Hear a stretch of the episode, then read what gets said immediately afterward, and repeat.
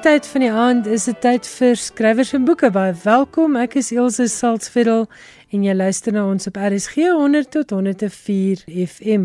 Of as jy aanlyn wil luister, ons is ook beskikbaar by www.rsg.co.za. Wat beteken jy kan letterlik enige plek in die wêreld na jou gunsteling radiostasie luister.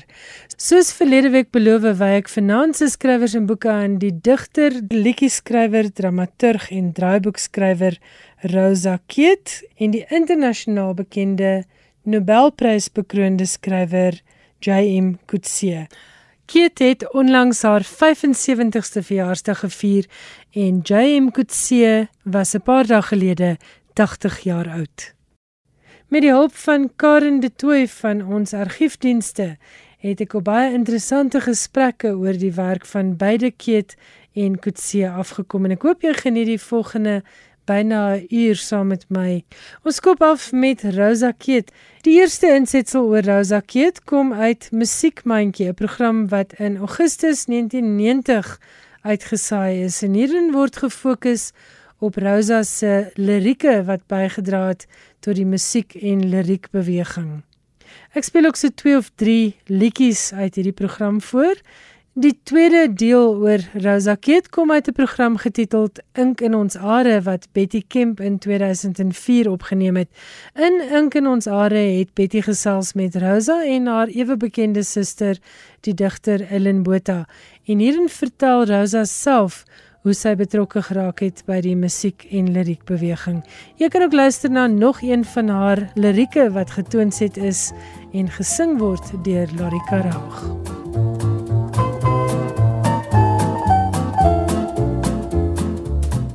Toe die musiek en liriekbeweging in 1979 begin het, het verskeie kunstenaars prominent op die toneel verskyn.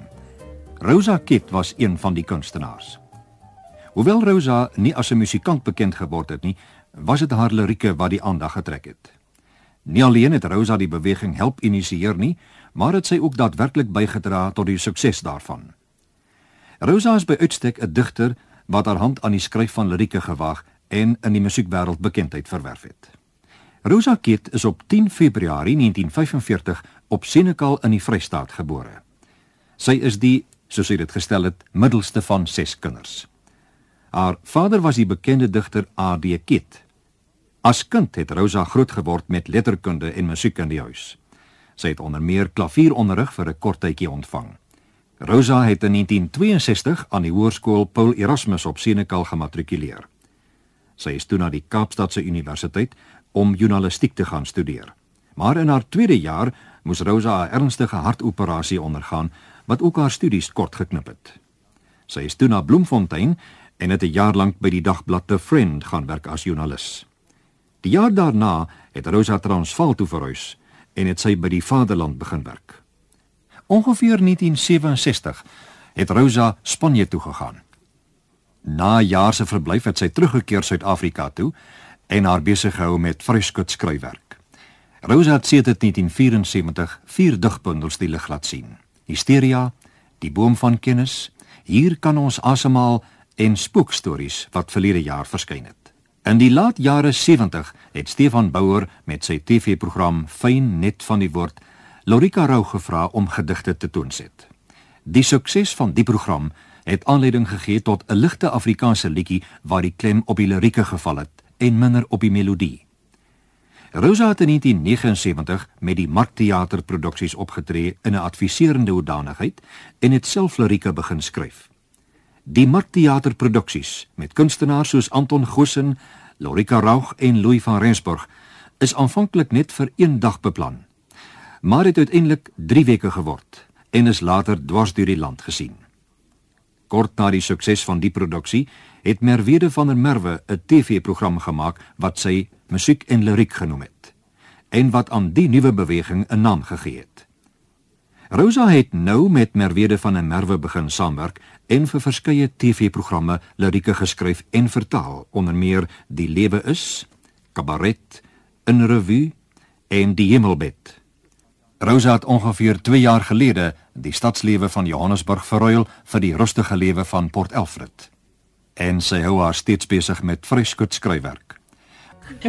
Rosa, vertel net 'n bietjie hoe verskil jou werk van Ellenson? Jy het begin in 1974 met Histera en toe was dit Boom van Kennis. Hier kan ons asemhaal en spookstories. Ek dink nie daar kan enige raakpunte wees nie want want Ellen probeer nie iets doen wat wat ek probeer doen nie en ek probeer letterlik maar net praat met gevoelens en emosies en dat dit dieselfde in ander mense kan probeer wakker maak. Ja, dit is dit is my uitgangspunt terwyl hare is dink ek om hulle te laat lag eerder as om hulle aan die dink te sit oor een of ander storie. Maar ek dink jy is ook baie jy jy nie net met die 70ers met die digters te doen nie, maar maar definitief ook met die musiek en liriek beweging, né? Het jy baie groot rol gespeel en so het jou talent amper in 'n ander rigting begin beweeg, né? Op een of ander stadium toe kom ek by Clara Bell uit en ek begin kamakastig liedjies skryf wat sy dan nou toon sit. En toe besluit ons nou maar kom ons hou 'n musiek en liriek dag. ons begin soek eerstens na ander mense wat ek sou kon sing. OK, nou kan ek brag. Anton Goosen, Lorika Raag, Connie de Villiers, uh David, David Kramer, Clarabel van Niekerk, Koos Du Plessis is mense wat wat vir die eerste keer toe hulle op 'n verhoog geklim het, het ek hulle daar gesit. Nie ek het hulle daar gesit nie, ek het hulle gevra om deel te wees van die ding. En en ons het ons het letterlik dink ek was dit die aanleiding vir vir 'n redelike groot sprong in die Afrikaanse musiekbedryf van jou werke is ook uh, getoon sit deur Clarabel. Ja, ja, nee Clarabel. Ek het ek het vir, ek het ook begin om te probeer om gedigte te te verander en dit gevoel dit werk nie. En toe myn masjien was die was die was die groot verandering want dit is regtig die eerste liriek wat ek geskryf het en uh, toe daarna het 'n paar ander gevolg wat wat ek nog wel redelik trots op was. Uh byvoorbeeld moenie laat die kinders hoor nie wat Larika opgeneem het. 'n gawe soldaat op die trein. Maak grappies oor oorlog asof 'n handgranaat in 'n lang en toe kom ek by Merwede van 'n Merwe uit en sy het al hierdie hierdie goeders wat sy op die lewe is 'n grenshotel is 'n maskerbal is 'n whatever alles nog. En en omdat daar nie genoeg letterlik genoeg goed was nie het ons begin vertaal. Want ons die 'n Engelse ding iewers gekry wat min of meer pas en dit dit aangepas in in 'n vertaling. En so ook 'n hele paar Franse en en Hollandse luisterliedjies.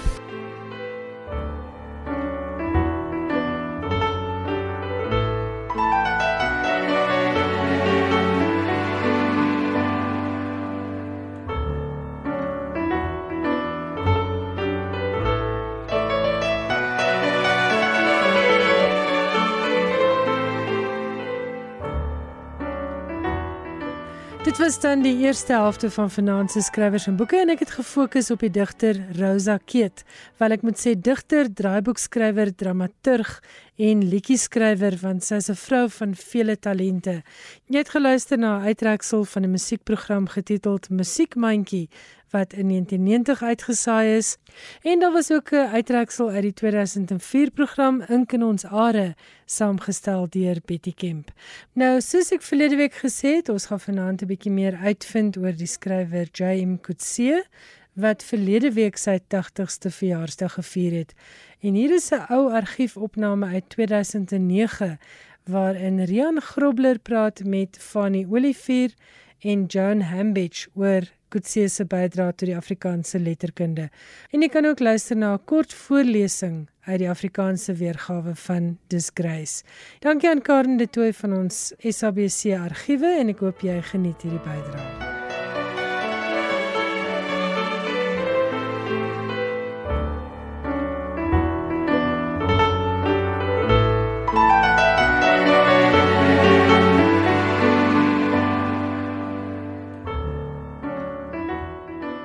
In Finanse Leeskring gesels ons oor een van die invloedrykste skrywers van ons tyd. Hy is die enigste skrywer wat dit kon regkry om die Man Booker Prys, een van die wêreld se belangrikste letterkundepryse, reeds 2 keer te wen. Die Nobelprys vir letterkunde is ook in 2003 aan hom toegekend. Vanaand gesels ons oor die Suid-Afrikaanse skrywer J.M. Coetzee. Nou tans is James Coetzee gereeld in die nuus om drie redes. Eerstens is hy die gunsteling om vanjaar weer die Man Booker Prys te wen vir Summertime, die derde deel van sy stel memoirs. En indien hy sou wen, sal hy weer geskiedenis maak deur die eerste skrywer te wees aan wie die prys 'n derde keer toegekend word. Die tweede rede is 'n hernuide belangstelling in sy boek Disgrace wat in 1999 met die Boekerprys vereer is. En verlede Vrydag is 'n vollengte rolprent met dieselfde titel met John Malkovich in die hoofrol in Suid-Afrika uitgereik. Dan is daar ook goeie nuus vir Afrikaanse lesers. Die einste Coetzee roman wat onlangs vervilm is, Disgrace, is nou ook in Afrikaans beskikbaar met die titel In Oneer. Ek het met die vertaler, professor Fanie Olivier, gesels. Fanie, kom ons begin by die titel van die vertaling In Oneer. Wat het gelei tot die keuse van hierdie titel? Uh dit was dis nie my uh besluit gewees nie, dis ook nie my titel nie. Uh en ek dink nie dit is 'n besondere goeie uh titel uiteindelik nie. Jy weet die Nederlanders het dit vertaal met in ongenade. Hulle het daarmee gespeel met die idee maar ek het vir hulle gesê ongenade is nie 'n is nie in Afrikaans. Dit dra nie daardie selfde begrip uh, wat dit in in Nederlands het nie. Weet jy hoe moeilik is dit om 'n Afrikaanse woord vir disgrace te kry? Coetzee het lyk dit vir my nogal sterk daarop aangedring dat disgrace in die titel moet bly leef. En ja, natuurlik oneer, jy weet dit, dit dra niks van daardie religieuse metafisiese inhoud wat die wat die Engelse woord disgrace het nie. Fanny, hierdie is die eerste boek van J.M. Coetzee om in Afrikaans vertaal te word. Waarom nou eers en waarom juis Disgrace? Uh, Disgrace dink ek is in sekere opsigte 'n baie interessante roman in die tydsgees van hierdie distopiese, die ontnugterde blik op Suid-Afrika. Miskien is dit een van die redes. Ek dink dit is die Boekerprys natuurlik wat hy daarmee gewen het en waarskynlik het iemand gedink luister as hy 'n Nobelprys wen dan is dit miskien die moeite werd dat hy in Afrikaans vertaal word. Ons het eintlik nie 'n groot tradisie van eie tydse Engelse tekste ook uit uit ander tradisies uit wat in Afrikaans vertaal word nie. Ek weet nie hoekom nie of die aanname is dat almal kan in ieder geval Engels lees en daarom is dit nie nodig om om 'n Afrikaanse vertaling te kry nie. Ek, ek dink dis Grace is waarskynlik een van die interessantste romans. Ek dink dit vra spesifieke vrae omtrent uh, ons plek hier in Afrika op 'n manier wat anders is as wat die vorige tekste dit gedoen het. Ek weet baie mense beskou dis Grace as 'n baie negatiewe, pessimistiese roman, maar nou ja, hulle het gevra, het besluit hulle wil dit doen, vir my gevra en ek is baie bly daaroor. Dit het my allerhande dinge omtrent Coetzee se taalgebruik laat ontdek waaroor 'n mens eintlik lees. In watter opsig sou jy sê is die taal wat wat Kutse gebruik uitdagend en uh, hoe het jy dit omseil in die Afrikaanse vertaling? Ek het eintlik nie sy uitdagings probeer omseil nie. Ek dink dit is wat so lekker was om te probeer om 'n uh, Afrikaans te skryf wat klink en voel soos Kutse se Engels. 'n Mens kan 'n Kutse roman oopslaan en jy weet dis 'n Kutse roman. In in Disgrace is daar 'n verskriklike klein geslote leksikon hy gebruik verskriklik min woorde. Hy herhaal woorde verskriklik baie. amper asof hy daarmee miskien wil suggereer hoe klein die keuses is waarmee 'n mens uh, as mens gekonfronteer word. Hy sit met 'n hoofkarakter wat 'n professor in Engels is, wie se belangstelling in die romantiek lê en wat dus daarom eintlik 'n greep op Engels sou kon hê wat 'n mens sou kon verstom dat hy sou wyd kon uh, kon praat maar dis asook dit se spesifiek probeer om daardie taalwêreld so klein moontlik te maak.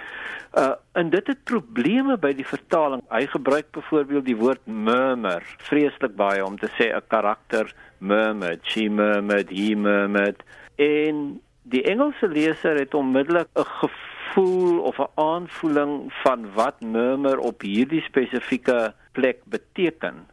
Maar as ons dit nou in Afrikaans vertaal, het ons nie eintlik 'n woord waarin soveel dinge resoneer nie. En dan moet die vertaler nou besluit, murmureer hy nou, mompel hy nou, praat hy uh, binnesmonds fluister hy of sy.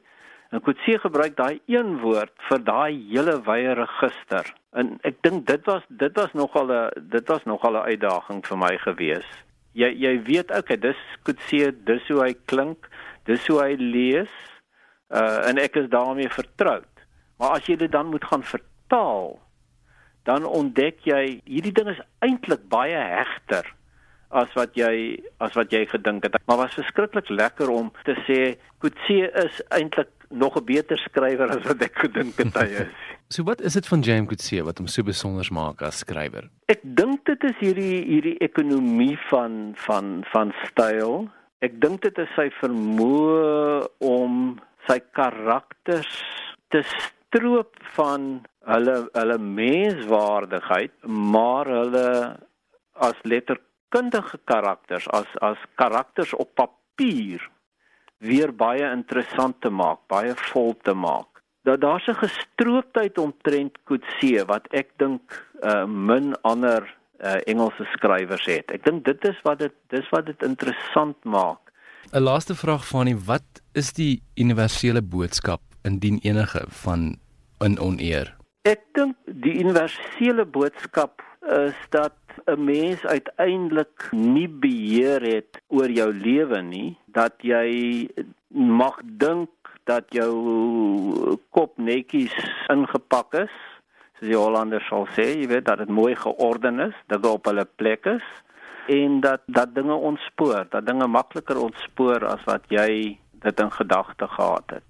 So gesels professor Fani Olivier, die vertaler van Jane Coetzee se Disgrace. Kom ons luister na 'n voorlesing uit die Afrikaanse weergawe in Oneer, soos voorgeles deur Christel Webber. Petrus rook pyp. 'n Oudmodiese pyp met 'n krom steel en 'n klein silwer dekseltjie oor die kop. Nou kom hy regop. Neem die pyp uit sy oorpaksak. Lig die dekseltjie, druk die tabak in die kop liggies vas, suig aan die onopgesteekte pyp. Hy staar pynsend oor die dammuur, oor die heuwels, oor die oop landskap. Sy uitdrukking is een van volkomme rustigheid. Die polisie moet hulle kry, sê hy einde ten laaste. Die polisie moet hulle kry en in die tronk sit. Dis die rol van die polisie. Maar die polisie gaan hulle nie kry sonder hulp nie. Daardie mans het geweet van die bosboustasie. Ek's daarvan oortuig hulle het van Lucy geweet. Hoe kon hulle dit geweet het as hulle volkomme vreemdelinge in die distrik was?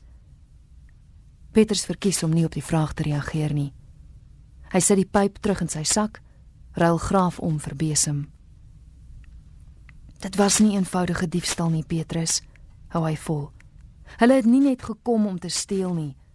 Hulle het nie net gekom om dit aan my te doen nie. Hy raak aan die verbande, raak die oogklap. Hulle het gekom om iets anders ook te doen. Jy weet wat ek bedoel. En as jy nie weet nie, kan jy sekerlik raai. Na wat hulle gedoen het, kan jy nie verwag dat Lucy rustig aangaan met haar lewe soos voorheen nie. Ek is Lucy se pa. Ek wil hê dat daardie mans gevang moet word en voor die reg moet verskyn en gestraf word. Is ek verkeerd? Is ek verkeerd om geregtigheid te soek? Hy gee nie om hoe hy nou die woorde uit Petrus kry nie. Hy wil hulle net hoor. Nee, Jy is nie verkeerd nie. 'n Vlag woede trek deur hom, sterk genoeg om hom te verras.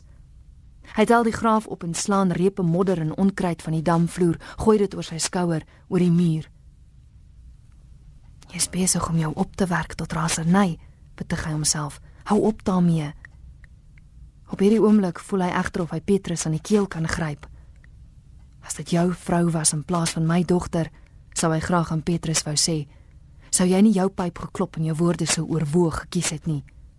Ontering, dit is die woord wat hy uit Petrus wil forceer. Ja, dit was 'n ontering, wil hy Petrus hoor sê. Ja, dit was 'n gruweldaad. In stilte, sy aan sy, maak hy en Petrus die werk klaar. Dit was dan 'n gedeelte uit van die Olivier se vertaling van J.M. Coetzee se Disgrace, genaamd In Oneer. Professor Joan Hambidge van die Universiteit van Kaapstad is 'n letterkundige en skrywer. Ek het met haar gesels oor J.M. Coetzee se invloed. Joan, wat presies is dit wat J.M. Coetzee se werk so besonder maak? James Coetzee het verskillende romans gelewer, soos In the Heart of the Country and Disgrace. Ek dink byvoorbeeld aan 'n teks soos Fou wat inspel op die Robinson Crusoe gegewe. Hy skryf tekste wat mynsins sien spaars in aanslag is, maar met 'n geweldige intellektuele en emosionele impak en aanbod. Met ander woorde, die tekste is skoon op die oppervlakte, maar onderdraai die duiwels rond. Hy het uiteenlopende tekste gelees, byvoorbeeld soos Dusklands Ek dink byvoorbeeld aan iets soos Elizabeth Costello, een van my gunsteling boeke wat hy geskryf het. En natuurlik 'n boek soos Youth. Ek noem hulle nou nie in die volgorde wat hulle verskyn het nie.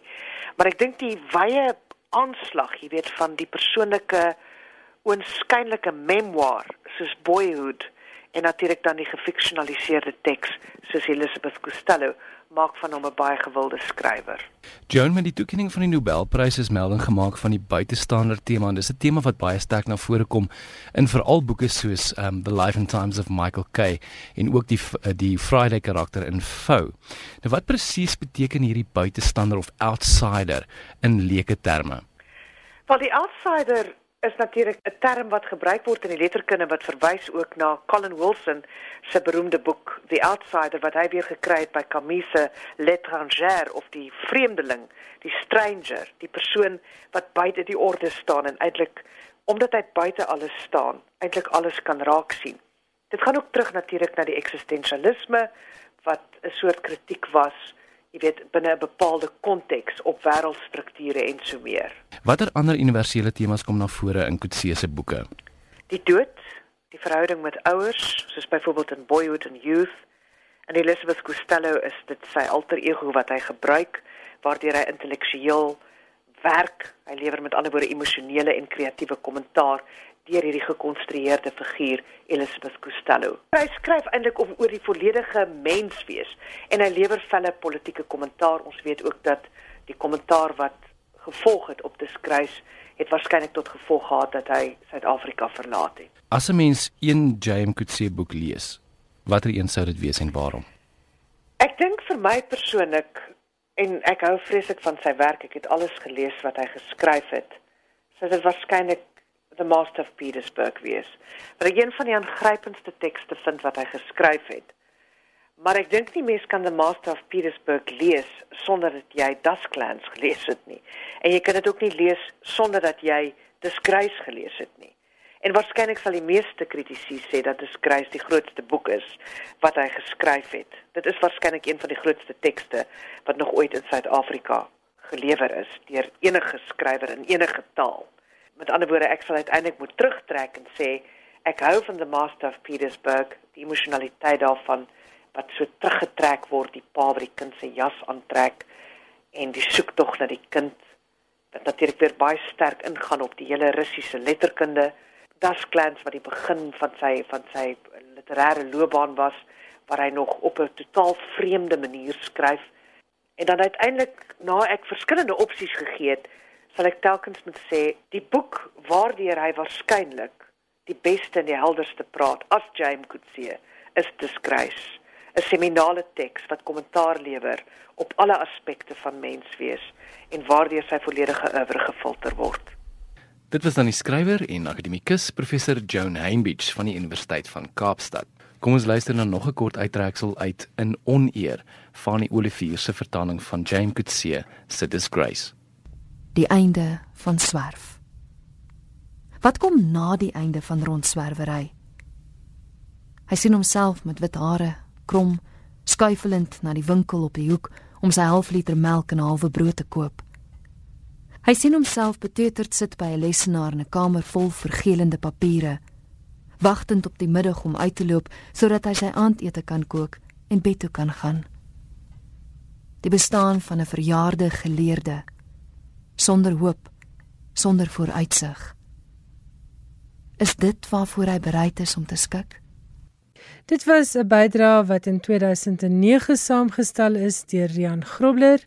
Kristal Webber het voorgeles uit James Coetzee se roman In Oneer en het ook die stemme gehoor van professore Fanie Olivier en Joan Hambidge letterkundiges wat 'n mening gegee het oor Coetzee se werk skrywers en boeke. Alles wat jy oor die boekewêreld wil weet en meer. Soos die gewoonte is, sluit ons ons program af met Johan Meiburg se internasionale letterkunde bydrae. En Johan het vanaand vir ons iets oor 'n Britse skrywer, 'n biografie oor 'n baie bekende en dan iets waar musiek en ek dink die digkuns bymekaar kom Johan. Dis reg. Die uitgewer Jonathan Cape het aangekondig dat hy in September die Britse skrywer Martin Amis se jongste boek gaan uitgee. Inside Story word beskryf as Amis se intiemste en mees epiese werk tot op hede. In die autobiografiese roman skryf Amos oor en ek haal aan die helder karakters wat hom help definieer het. Onder wie sy goeie vriend Christopher Hitchens, die Engels-Amerikaanse skrywer en joernalis wat in 2011 aan kanker dood is. In 2017 het Amos in 'n onderhoud met The Guardian oor sy ervaring van Hitchens se dood gepraat. Dis 'n aaklige ding, het hy gesê, die wakery by die bed van 'n sterwende veral deesdae met al die masjiene wat jou verloop van proses registreer. Die roman verken ook sy verhouding met 'n ouer geslag skrywers, onder andere sy pa, Kingsley, en 'n vriend van die gesin, die digter Philip Larkin. Amos se held en mentor, Saul Bellow, die skrywer Iris Murdoch en sy stiefma, die skrywer Elizabeth Jane Howard. Wat begin as 'n verhaal van vriendskap, van familie en romantiese verhoudings, ontwikkel in 'n teer dog pittige verkenning van die lewensvrae, hoe om te lewe, hoe om te rou en hoe om eindelik dood te gaan. So beskryf Jonathan Cape Inside Story. Die 71-jarige Amos is veral bekend vir sy romans Money van 1984 en London Fields van 1989. Vir sy memoir Experience het hy die James Tate Gedenkprys ontvang en hy was by twee geleenthede 'n aanspraakmaker op die Booker-prys. In 1991 was hy op die langlys vir Times Arrow en in 2003 op die kortlys vir Yellow Dog. Baie interessant, so dit is uh, Kingsley se seun. Kingsley se seun Martin, ja. Goed, goed. En dan het jy nou 'n biografie oor, ek dink een van die mense wat vir die meeste polemiek gesorg het in die vorige eeu, Andy Warhol. Dis inderdaad Andy Warhol. Tot dusver was Victor Bockris se biografie van Andy Warhol tussen die magtom boeke oor die Amerikaanse kunstenaar seker die bekendste en die gesaghebbendste juis omdat die skrywer 'n vriend van Warhol was en 'n lid ook van Warhol se Factory. Bockris se Andy Warhol The Biography het in 1989 verskyn. Basit bly Gopnik se Warhol by Allen Lane verskyn. 'n Biografie wat geskoei is op navorsing en honderde onderhoude met vriende en vyande van Warhol. Die biografie volg Warhol se lewensgeskiedenis, dis 'n epiese wieg tot graf soort van biografie van kind van arm Oos-Europese immigrante in Pittsburgh in die 1930s tot sy vroeë sukses as handelsontwerper en sy deurbraak as popkunstenaar in die 1970s en 1980s. Soos wat 'n mens Gopnik ken, gaan hy verhelderende insigte in die lewe en kuns van Warhol bied, maar 'n mens kan ook 'n paar vonke in kruitvatte verwag. Een daarvan is die aanname dat Warhol aseksueel was en dit kom sterk onder verdenking in die nuwe biografie. Bly Gopnik is 'n Amerikaanse kunskritikus wat onder meer jare lank vir The Washington Post geskryf het. Die harde band uitgawe van Gopnik se Warhol behoort wanneer dit hier aanland so in die omgewing van R700 te kos. Goed, en dan praat jy nou oor 'n projek wat Beethoven se musiek insluit as ek nou reg onthou. Ja, dis die geboorte van Ludwig van Beethoven 250 jaar gelede in 1770 wat mos vanjaar gedenk word. In die feesjaar gee Chatto die Britse digter Ruth Bedell se jongste bundel Beethoven Variations Poems on a Life uit. Trouwens die bundel het pas verskyn. Die bundel het oor 5 jaar tot stand gekom tydens 'n projek wat Padel saam met die Endellian Strykwartet aangepak het. Die kwartet het voorheen al gedigte deel van hulle uitvoerings gemaak, So het hulle 'n voordrag van W.H. Auden verse aangebied saam met die musiek van Elgar Martino, Britten en Shostakovich. Vir uitvoering van Beethoven se kwartette Opus 18 nommer 6 en nommer 131 het Endelian Padel gevra om die repetisies by te woon en haar indrukke van die musiek in twee gedigte te verwoord. Padel se verbintenis met Beethoven, as 'n mens dit sou kan noem, strek 'n hele paar jaar terug. Haar grootoupa was 'n konsertpianis en het in Leipzig klavier studeer by 'n leerling van Beethoven. Haar ouers deel 'n liefde vir musiek en Padel het groot geword met die altviool as haar instrument wat ook die van Beethoven was. Namate die Endelian gedigte projek gevorder het, het Padel besluit om meer gedigte oor die Beethoven tema te skryf en dit het die manuskrip vir die bundel geword. Benewens haar interpretasie van die musiek is van die gedigte ook biografies van aard en volg sy Beethoven in Bonn, sy geboortestad, Wene, Linz en Praag. Sy het gesteun op die groot aantal briewe wat Beethoven nagelaat het, asook dagboekinskrywings, aantekeningboeke en die gespreksboeke wat hy gebruik het toe hy begin doof word het. Hier lees Ruth Bedell 'n gedig oor Beethoven se pa, 'n man wat nie altyd so ondersteunend was van sy seun se talent en musiek maak nie. If your father damaged you the way meteorites spin in, clustering on ice, bare shields of glacier burnished by wind, because your father is magnetite, dragging all the iron in your soul into his own force field. You seal yourself in. You need nothing but music. Your answer to obstruction will be fire in the little hall of the house where you were born, the one original service is dark silver flagstones where you might have crawled. Light falls in shallow hollows of deciduous rubbed stone clogged with spume of cleaning fluid, where, I imagine, your mother carrying the shopping your father staggering home drunk up these stairs, thou the new cut wood polished to the amber shine of a harvest moon. To wake you in the middle of the night, stand you for hours on a bench so you can reach the keys. You cry as you play, slapped if you make a mistake. In daylight, he hears you improvise, splashing around, he calls it, on the violin. What rubbish are you scratching? Now, isn't that beautiful? No, you made it up. You're not to do that. Stop, or I'll box your ears. If your father damaged you, the way fierce winds scour glacier ice where meteorites have fallen from heaven, but he was the one who made you, beat the notes into you on the clavier, viola, violin. Your response to challenge ever after will be attack. You will need no one, only the relationship of sound and key. You improvise. Dit was die stem van Ruth Bedell en sy het 'n gedig voorgeles wat sy self geskryf het oor Beethoven en sy pa. En met Johan Meiburg se internasionale insetsel het ons aan die einde gekom van Vanaand se skrywers en boeke. Baie dankie dat jy saam geluister het en ons is volgende Woensdag aand om 8uur weer terug. Dan gesels ek onder meer met Sonja van Skalkwyk Barwa wat nie net vir die wonderlike Afrikaanse vertalings van Asterix en Obelix gesorg het nie, maar wat nou besig is om vir Kuifie die Belgiese strokiesprent karakter splinter nuwe Afrikaanse woorde in die mond te lê. Dit en nog baie meer in skrywers en boeke volgende Woensdag aand om 8uur net hier op RSG saam met my Elsje Salzwetel. Tot dan, groet ek, geniet die res van jou week. Totsiens.